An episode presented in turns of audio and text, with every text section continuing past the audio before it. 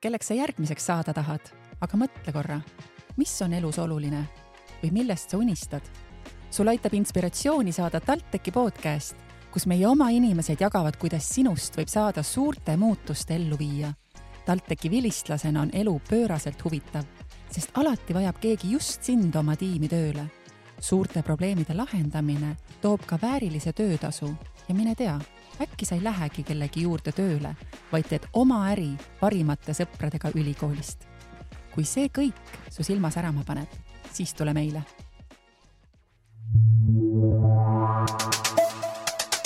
Tallinna Tehnikaülikool loogiline mõtlemine ja laiad teadmised erinevatest valdkondadest ühes IT-oskustega teevad sinust spetsialisti, keda vajavad väga erineva suunitlusega ettevõtted ja organisatsioonis on kirjas rakendusfüüsika ja andmeteaduse magistrikava kirjelduses. täna on meil külas rakendusfüüsika magistri eriala lõpetanu Liisa Arro. tere tulemast! tere! ja mina olen Gerdu Lenear, TalTechi turundusjuht ja samuti magistrant majandusteaduskonnas. täna kannab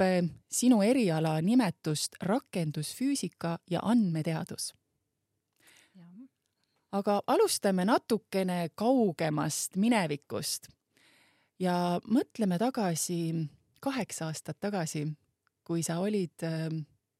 lõpetamas keskkooli ja tõenäoliselt valdasid sinus segased tunded või teadsid sa juba siis täpselt, et sa tahad tulla õppima füüsikat? ma arvan, et äh, mina tegin selle otsuse, et tulla füüsikat õppima suhteliselt varakult. Äh, kui ma oma klassikaaslastega võrdlesin, siis ega nemad ei, ei teadnud üldiselt, mis nad õppida tahavad. aga see mõte tuli minu puhul niimoodi, et ma õppisin äh, siin hästi lähedal Nõmme gümnaasiumis ja seal käis meil väga tihti keegi jälle rääkimas, et tulge TalTechi õppima, meil on seda, teist ja kolmandat. ja üks meie kooli vilistlane oli õppinud tehnilist füüsikat ja noh, võib-olla see andis mingi tõuke, siis ma teadsin, et ma tahaks õppida reaalteadusi. Ja, ja kuidagi oli nagu sisse juurdunud, et noh, ma lähen TTÜ-sse, et äh, ei olnud nagu mingit mõtetki, et, et kuskile mujale ülikooli minna. Ja siis ma võtsin selle Tehnikaülikooli kodulehe lahti, vaatasin, et äh, mis siin siis valikus on, no teaduskond sai nagu lihtsasti valitud, et loodusteaduskond, et äh, muud seal nagu sel hetkel ei olnud äh, minule apiilset. Ja siis vaatasin, et neli eriala oli vist sel hetkel ja ja füüsika oli Eestis ainus, milles ma tundsin, et see võiks olla midagi mulle. aga noh, niimoodi üsna nagu lihtsasti ja kiiresti käis see valik, ega ma sada protsenti ei teadnud, mis mind muidugi ees ootab, aga ma mõtlesin, et noh, valik on valik ja, ja küll siis jõuab seda ümber muuta, kui vaja on, aga õnneks seda vajadust ei tekkinud. väga teadlik neiu, peaks ütlema no võimalik aga paljud noored vist tegelikult äh, ei ole nii teadlikud. ja ma olen väga palju näinud seda küll, et, äh, et tullakse õppima midagi, noh, on võib-olla see kuskile vanematelt või, või ühiskonna poolt nagu sisse taotud, et, et noh, ikka ülikooli ja, ja muud varianti ei ole ja siis äh, ülikoolis siis vaat, no mis sa seal õppida tahaks, paljud võib-olla tahavad lihtsalt, et, et kodust eemale teise linna, siis selle järgi valitakse kool. ja siis äh, noh, kuhu ma sisse saan ja, ja, ja lihtsalt valitakse midagi ära, seal võib-olla nagu väga suurt mingit äh, tagamõtet ei ole. Ja siis äh, esimene semester saadakse aru, kuhu nad siis ennast sisse mässinud ja siis äh, langetakse välja, valitakse midagi uut. no mõni inimene ei leia seda seda õiget eriala üldse ülikoolist. noh, mul enda õde näiteks on ka mitu korda proovinud ja, ja ei ole nagu olnud seda tunnet, et voh, see on nüüd see õige. et, et paljudel nagu läheb ikka päris mitu korda, enne kui saadakse pihta sellele, mis vaja on, et selles mõttes mul läks hästi, aga see võib-olla on ka seotud minu kangekaelsusega, et kui ma midagi alustan, siis ma ka lõpetan. et äh, mina, aga ma ei saa öelda, et ma oleks tundnud seda vajadust, et, et see ikka ei ole mulle või midagi, et see füüsika on kuidagi huvi pakkunud alati. see on muidugi väga hea isikuomadus, et kui sa midagi alustad, siis teha lõpuni. aga räägi põgusalt oma kogemust, kui sa siis tegid selle otsuse, tulid ülikooli, äh, bakalaureuse astmel õppimisest ja ka tudengielust, et ma kuulsin, et sa olid ka väga aktiivne äh, tudengielu nii-öelda erinevate võimaluste kasutaja. jah, kuna ma olen muusikaga ka olnud seotud, ma olen õppinud muusikakoolis, ma olen laulnud väga heas kooris siis äh, ülikooli tulles oli nagu see mõte, et noh, tahaks mingisugusest äh,, mingis kooris nagu edasi laulda ja siis äh, seal vist esimene nädal oli see tudengiorganisatsioone tutvustav üritus, kus äh, mulle siis äh, jäi kõrvu, et näed, äh, on naiskoor siin ülikoolis ja läksin katsetele, sain sisse ja siiamaani laulan seal. et sealt äh, tulevad kindlasti ka sõbrad kogu eluks ja on niisugust, äh, ütleme nii, et ülikoolis ei ole sul enam klassiekskursioone või midagi, et siis need sellised asjad sa saad kõik tudengiorganisatsioonidest. Et äh, lähme konkursile näiteks varsti ja, ja igasuguseid reise on seal üksjagu. ja ma arvan, et see oli vist äkki esimesel aastal, kui tuldi tutvustama, et näed, me mõtlesime, et siin võiks nagu ühe satelliidi kokku panna. ja sel hetkel nagu kosmoseteadus tundus siuke, et noh elu sees ei oleks osanud arvata, et mina saan nagu satelliidi, ma ei tea, arendusse või, või ehitamisse kuidagi panustada. Aga see võimalus nagu anti ja, ja siis kohe haarasin sellest kinni. ja umbes terve oma magi- või bakalaureuse vältel siis äh, tegelesin selle satelliidi päikesepatareide siis valimisega, nende uurimisega, valideerimisega võiks öelda. et äh, nüüd vist on nad äh, juba lausa kaks satelliiti minu valitud päikesepatareidega meil Oho. kosmoses see on väga märkimisväärne. Jah, ma tean, et see satelliit vahel saadab alla mingit infot, kus vähemalt minu nimi on sees ka, nii et äh, see on hea tunne. Kindlasti, kindlasti. Aga ma küsiksin sinu kommentaari ühele toredale loole, mida sinu äh, õppejõud Raavo eelmises saates jagas. Nimelt oli juttu sellest, et tegelikult see nimi rakendusfüüsika või siis füüsika võib teinekord olla pisut hirmutav ja inimesed tegelikult ei pruugi teadagi, mida see kõike tegelikult endast sisaldab. ja ta rääkis ühest põnevast katsest, mida ta tudengid tegid ühel messil ja pärast ma sain teada, et sina olid üks nendest tudengitest, kes selles katses osales, nii et räägi nüüd endapoolne kogemus ja see, see oli äh, Võti tuleviku mess, karjäärimess, ähm, mida siis TTÜ-s korraldatakse kord aastas. Ja noh, ega ta ei olnud võib-olla mõeldud niivõrd-kuivõrd katsena, aga lihtsalt ähm, äh, käisime, vaatasime, et kas kuskilt leiaks endale kas praktikakoha või töökoha, ma ei mäleta, mida me tol hetkel otsisime, et võib-olla oli juba töökoht. aga siis äh, noh, vaata, no, no mis äh, ettevõte oleks siis sihuke, kuhu võiks minna, et millise boksi juurde lähed. vaatasin, käisime nagu mõne juures ära, et noh, midagi nagu on ja midagi nagu ei ole ka, aga siis äh, vaatad seda nänni, mis seal kõik laudade peal on ja mõtled, et, et aga lähme räägime nende teistega ka. ja vist läksime kuskile näiteks Swedbanka või, või mingi raamatupidamisettevõtte mingi putka juurde ja ütlesin, et jah, et noh, me oleme tehnilise füüsika tudengid ja et äh, mis teil meile pakkuda on? oi noh, eh, füüsika, no ma ei tea, et ega meil siin vist äh, väga ikka ei ole midagi ja ja siis äh, natuke seal vestlesime ja, ja jõudsime järeldusele, et tegelikult no mis see raamatupidamis on ju, see on ju puhas matemaatika ja andmetöötlus, et see on nagu kõige lihtsam osa sellest, mis me õppinud oleme ja siis noh, tegelikult ju küll jah, noh, põhimõtteliselt äh, miks mitte, eks ju, et, et sealt tuligi kui, kui väike vestlus oli nagu läbi viidud, noh, et tegelikult me ju neid asju oskame, siis äh, jõuti järeldusele, et jah, et, et äh, sobiksime sinna erialale ja sobiksime tänna ja noh, põhimõtteliselt ükskõik kus putkas me nagu käisime, siis me suutsime ennast igale poole maha müüa. et selle füüsikaharidusega see just eriti keeruline ei olnud aga räägi nüüd äh, natukene lähemalt siis ka nendest võimalustest,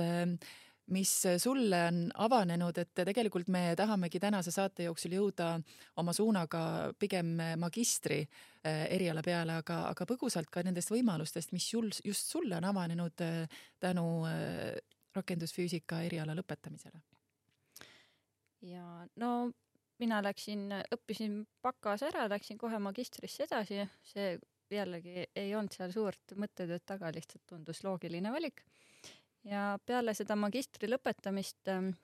ma olin ka poolteist aastat kodus, ehk ma ei läinud kohe edasi tööle. seda, see oli koht, kus ma kartsin kõige rohkem võib-olla, et noh, kui ma olen nüüd äh, poolteist aastat kodus istunud, et kuidas siis tööandjad äh, vaatavad, et noh, kõik oled niikuinii ära unustanud ja, ja siis veel väike laps ja, ja noh, see selline nagu, mis mina mõtlesin, et, et potentsiaalne tööandja võiks äh, vaadata. ja siis tegelikult esimene sihuke noh, tutvuste kaudu täitsa tuli üks äh, küsimus, et äh, et teda otsiti vist äkki mehaanikainseneri. ma ütlesin, et noh, mehaanikaaineid ma võtsin äh, ülikoolis nagu päris mitmeid, eriti magistris, et äh, et katsetasin, uurisin, kas saan sinna, saatsin oma CV-d ja lõputööd ja mis kõik sinna ära ja siis nad võtsid ühendust, et noh, ma ei tea, kas see mehaanikainsener võib-olla ei ole nagu see päris see, aga tegelikult me otsisime täpselt sellist inimest umbes pool aastat tagasi, et kes tuleks ja arendaks, aitaks arendada ventilatsiooniseadmele soojussalvestit ja no kõik muud füüsikalised aspektid sinna juurde, kõik ma ei tea, hüdro- või aerodünaamika, mingi kui palju filtrid seal õhku läbi lasevad, siuksed äh, asjad.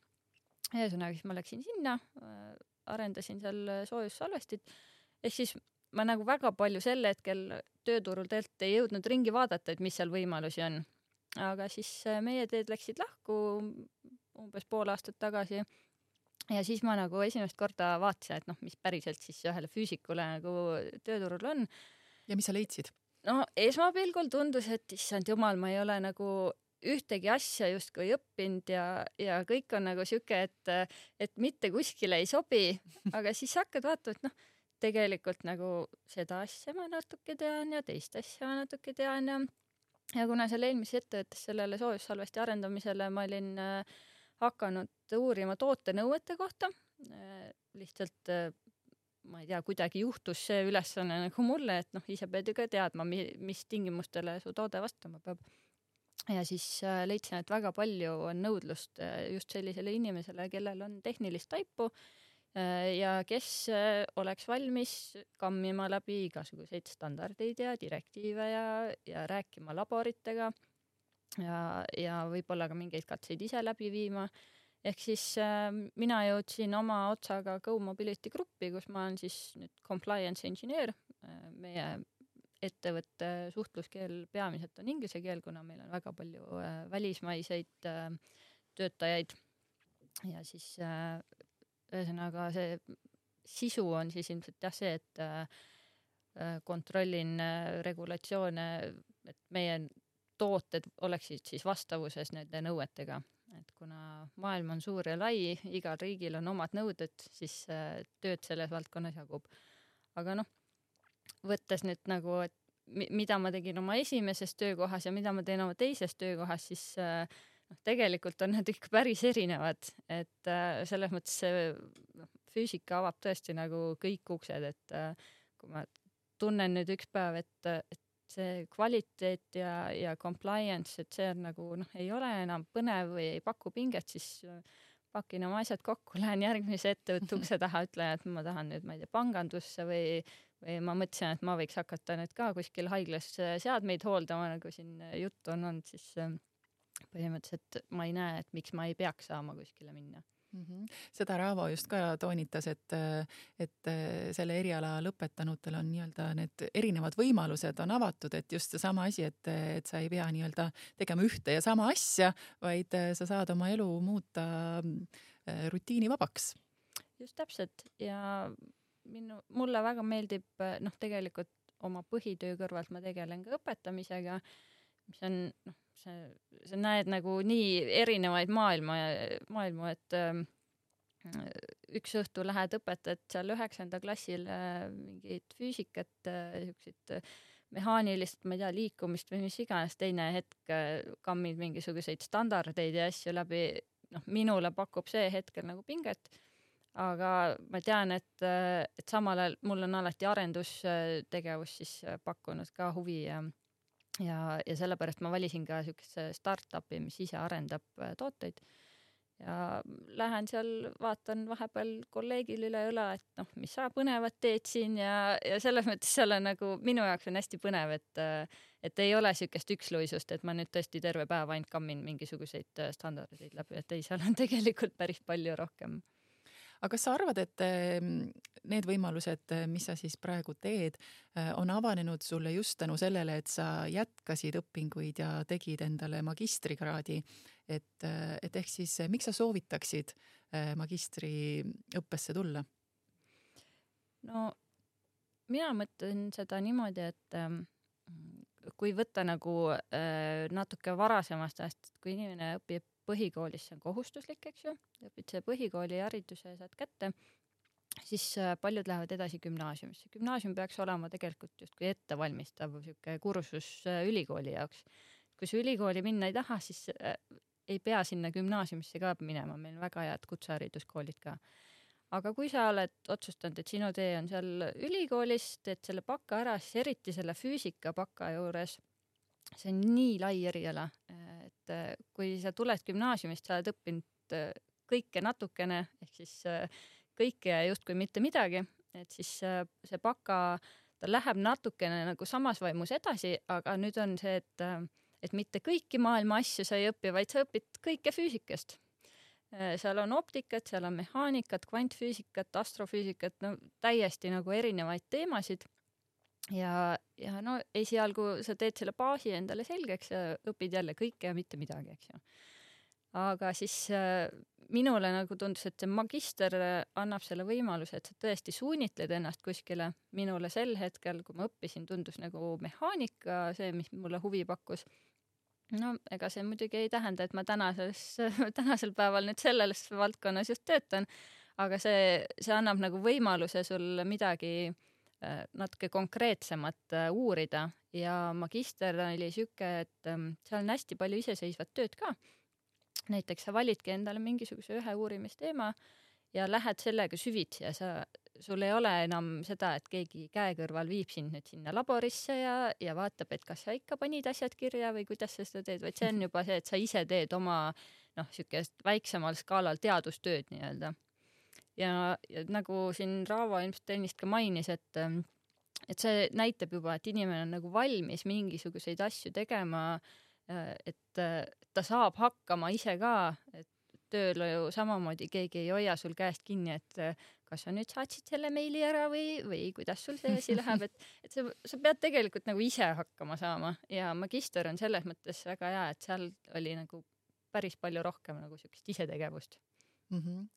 aga räägime natuke ka sellest magistri ähm, õppeprogrammi, ähm, et kuidas see programm on üles ehitatud ja kuidas seda on võimalik äh, tööeluga siduda? Ja no mina õppisin äh, ikkagi päevases õppes, see tähendab viis päeva nädalas äh, võivad sul tunnid olla. no nagu ma just ütlesin, et väga palju oli siukest iseseisvat tööd, see tähendas, et vahel õppejõud ei tahtnud sind seal tunnis üldse näha, ta nägi sind äh, semestri alguses, andis sulle teema kätte, ütles, et äh, semestri lõpus näeme ja siis palun esitle. Äh, et selles mõttes seda vaba aega oli kindlasti rohkem kui, kui baka ajal. aga noh, ütleme nii, et päris siukest täiskohaga tööd ma ei näe, et seal saaks nagu mugavalt teha, noh, on inimesi, kes kindlasti kuidagi seal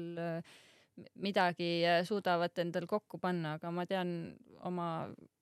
kursusekaaslaste põhjal, et et noh, kui seda mingit tööd sinna kõrval tehti, siis ega see üldiselt ei olnud erialane töö, see oli pigem sihuke, et kes oli öövalves kuskil turvamehena ja kes töötas kuskil poes leti taga. et noh, siukseid asju ikka saab juurde teha. mina isiklikult äh, mäletan, ma töötasin lapsehoidjana ja hästi palju ma ka õpetasin. et siinsamas Tehnikaülikoolis andsin kursuseid noorematele aga no üldiselt oli see siukene, et äh, peale tunde või, või noh, kui, kui siin ülikoolis päriselt äh, töötad, siis juba saad nagu klapitada ka, et noh, mul on, siin on nüüd endal loeng ja siis ma lähen kohe peale seda annan kellelegi teisele tundi. et noh, see oli nagu võimalik, aga kui sa kuskil väljaspool töötad, siis äh, ma ei kujuta ette, et sa nagu täiskohaga midagi päriselt teha saad ja see, see kindlasti on väga hea teada ja, ja tegelikult selline, kui sul on see teadlik valik tehtud, et sa, sa oled võtnud endale selle eesmärgi, et magistrikraad ära teha, siis tegelikult seda vahepealset etappi saabki võtta teadlikult selliselt, et okei okay,, et ma teen, mida vaja selle jaoks, et, et oma, oma eesmärk täide viia, et, et, et ei tasu nagu peljata seda, et sa võib-olla mingi aeg oma elust äh, töötad teises valdkonnas, mida sa tegelikult teha ei taha, selle jaoks, et lihtsalt äh, jõuda oma, oma eesmärgini. Jah, selles mõttes äh, mina olen ka tihtipeale võtnud vastu tööotsi, mis ei ole nagu erialased või midagi, aga noh, taskuraha on hea teenida, isegi kui sul noh, mõnel on vaja konkreetselt, et maksta oma mingisugune üür ära või, või süüa osta, minul selles mõttes oli hästi, ma kuna ma elan äh, ülikoolile väga lähedal, siis äh, ma sain äh, ema kodust käia kooli ja see tähendas, et sai seal ka süüa. aga noh, mõnel on tõesti, ongi vaja see mingisugune raha nutsakas iga kuu välja maksta kellelegi, et siis ähm, noh, minu arust sellest ei ole nagu midagi halba, kui sa vahel, vahepeal teed siis natuke tööd, mis ei ole sinu erialane otseselt, sest olgem ausad, sa ei ole ju seda erialakraadi veel ka kätte saanud eh, või paberit, millega sa lähed siis eh, mõne tööandja juurde, ütled, et ma olen nüüd füüsik ja palun võtke mind tööle. et eh, kui sedasi veab ja saad erialal töötada, siis see on väga tore. Ja on ka mõned ettevõtted, kes seda pooldavad, kes teevad koostööd ülikooliga aga reaalsuses noh, minu arust on see igati okei okay,, kui sa töötad kuskil kus iganes ma küsiksin sinult veel ühe küsimuse, mida ma küsisin eelmises saates ka Raavolt. et ähm, mis sul on esimene selline kõige meeldejäävam äh, katse, mida sa, mida sa ülikooli ajal tegid, et vaatame, kas see ühtib sellega, mis Raavo rääkis? no kui ma nüüd mõtlen oma ülikooli alguse peale, siis äh, üsna tõenäoliselt esimene katse oli äh, füüsika ühe praktikum, kus äh, mõõdad, teed hästi tuima tööd, mõõdad kümme korda nihikuga mingisuguse plaadi paksust, mõõdad siis seda kümme korda kruvikuga, mõõdad seda kümme korda mingi kolmanda seadmega. ühesõnaga, see on kõige siuksem lihtsam vist üldmõõtmised äkki oli selle praktikumi nimi veel Äh, mitte midagi nüüd äh, selles mõttes põnevat, aga kuna ta oli see esimene, siis sa saad midagi oma kätega teha, midagi ise mõõta ja, ja siis arvutad sealt välja mingid mõõtemääramatused ja asjad, et ähm, et see, see on võib-olla sihuke praktikum, mida enam-vähem iga Tehnikaülikooli lõpetaja teab ja on, on läbi teinud, sest see üldfüüsika on enamustes erialades vist sees, kui ma noh, ilmselt äh, mitte kõigis kindlasti, aga paljudes on ta sees. et äh, see, see on kindlasti asi, mida kõik teavad. aga igasugused põnevamad katsed, no kuna ma nendel messidel hästi palju osalesin, siis äh, minu üks lemmikuid on vedela lämmastikuga õhupallide siis kokkupressimine. ehk siis meil oli siukene külmakast, sinna sisse mahtus täpselt üks täispuhutud õhupall ära ja siis valad selle vedela lämmastikuga üle, paned kaane peale, natuke raputad ja õhupall tõmbab nii palju kokku, et sa saad sinna järgmise panna ja niimoodi ma ladusin neid õhupalle mingisugune kakskümmend tükki sinna kasti. ja, ja siis äh, oli nagu tore lastel näidata, küsida, et äh, et noh, mis te arvate, mitu õhupalli siin kasti sees on, et kõik on täis puhutud. Äh, ja, ja noh, siis äh, tuleb sealt vastus, no üks, kaks, võib-olla mõni pakub natuke rohkem, aga see, et sealt nagu kakskümmend õhupalli võiks välja tulla, seda keegi nagu ei oska pakkuda. ja siis hakkad neid sealt välja võtma, puhud natuke sooja õhku peale, kõik paisuvad jälle suureks, mõned lähevad vahepeal katki ka, aga seda rohkem nalja saab. et äh, see on üks siukene üks lõbusamaid katseid võib-olla, mis mhm. on nagu äh, siin tehtud üldse kõik messidel äh,, sinna me valime alati need kõige põnevamad katsed, mis on just äh, lihtsasti jälgitavad, et sa ei pea teadma nagu mingit suurt füüsikat seal taga, sul on lihtsalt tore vaadata. kas sa oma väiksele lapsele ka juba mingeid esim-, esmaseid füüsikakatseid tutvustad? Ah,? minu väike laps on, ma ei tea, kellelt ta sealt tarkuse on kõik pärinud, aga Huvitav mul vahel, vahel siuke tunne, et, et ta on nagu pika puuga üle nii minust kui mu abikaasast. mu abikaasa on siis äh, ka lõpetanud äh, füüsika, me õppisime samal kursusel. noh, väga ma siukseid katseid võib-olla ei ole talle jõudnud veel näidata, aga õhupallidega oleme mänginud küll ja veel aga näiteks kui ma vaatan, et ta on mul siuke kolmepoolene ja vaatasin üks päev, kuidas tema käsitseb tahvelarvutit leiab sealt ise endale mingi mängu, mis iganes ta mängida tahab ja üks päev avastasin üllatusega, et ta oli leidnud nende mängude hulgast, no ma olin tõmmanud sinna joonistamise mingeid äppe ja asju, oli sealt leidnud siis ühe arvutusäpi. Noh, selles suhtes sama äpi sees oli siis mingisuguseid erinevaid äh, mänge ja, ja see oli siuke natuke mänguline siuke liitmis-lahutamisteht, et kümne piires ja no see kolmepoolene seal järjest, ma vaatasin ju viis tehet järjest, ta pani need jumala täppi. ma veel ise mõtlesin, et ta ju ei tunne numbreidki et, et. geenius. no need tänapäeva lapsed kasvavad üles täiesti teistsuguses maailmas, kui mõelda mina sain oma esimese nutitelefoni vist kas sain äkki gümnaasiumi lõpus või oli see juba ülikoolis, et see, et kolmeaastane nagu maast madalast äh, sul arvutiga saab mängida ja, ja ma leian, et, et kuigi ekraaniaega mingil määral peaks piirama, eks ju, et sa ei lase lapsel ainult seal äh, tahvlis istuda, siis tegelikult see arendab tegelikult noh, päris palju, et äh, kõik peenmotoorikat ja, ja seda, et kuidas ta ise sealt leiab mingid asjad üles ja no neid äppe, mis arendavad, neid on no,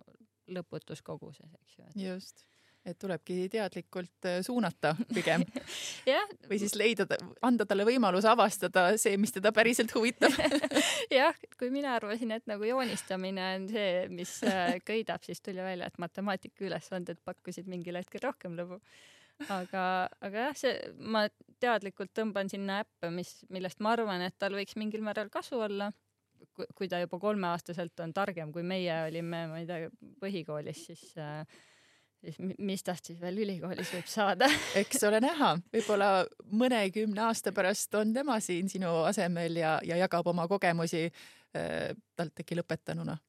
no loodame. Aga lõpetuseks äh, ütle veel enda viimased sellised mõtted või soovitused äh, äh, inimesele, kes äh, hetkel kaalub astuda magistrisse erialale, mis sina oled juba lõpetanud, et anna talle see viimane nii-öelda tõuge takka, miks seda teha? no kindlasti on üks asi see, et, et paber on see, mis paljudele tööandjatele loeb, ükskõik mida sa seal õppinud oled, kui sa näitad, et sul on magistripaber, siis küllap sul on seda tõesti mm, visadust, et, et neid seda koolipinki rühkida, noh, ma ei tea, palju see siis kokku teeb, kaksteist aastat ja, ja siis veel pluss viis, eks ju, seitseteist aastat kokku uh, kas ma õppisin ka nii palju et äh, selles mõttes ähm, kindlasti äh, see on seda väärt, aga ma arvan, et see on äh, tegelikult väga põnev aeg elus. mina isegi praegu mõtlen, et et pagan, õppida oli nagu päris huvitav, et kuigi oma töö juures ka ma õpin päris palju, iga päev on midagi uut, siis ikkagi see, see ülikooli aeg ja see, see kõik on midagi muud ja, ja kõik need organisatsioonid, asjad, üritused, kõik noh, seal on nii palju lihtsalt, et ma vaikselt juba igatsen taga, aga mingist hetkest see ei ole enam sama, kui sa lähed täiskasvanu, noh, selles mõttes täiskasvanuna ma mõtlen siis äh, võib-olla juba seal kuskil kolmekümnendates näiteks lähed uuesti ülikooli, no sa ei, sa ei lähe enam sinna noortega pidutsema või, või noh, see on juba natuke midagi muud, ütleme nii. et äh, mina kindlasti nagu seda, seda siukest nooruslikku ülikooli aega hindan väga, et äh, soovitan minna, isegi kui see ei ole füüsika, siis, äh, siis ka niisama on tore õppida. Suur aitäh sulle ja nende ilusate soovidega tänaseks lõpetame ja mina soovin sulle palju edu kõigis sinu ettevõtmistes. aitäh.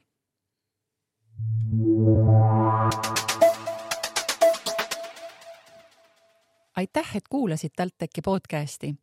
palun jaga saadet vähemalt ühe inimesega, keda see sinu arvates võiks inspireerida. Kuulmiseni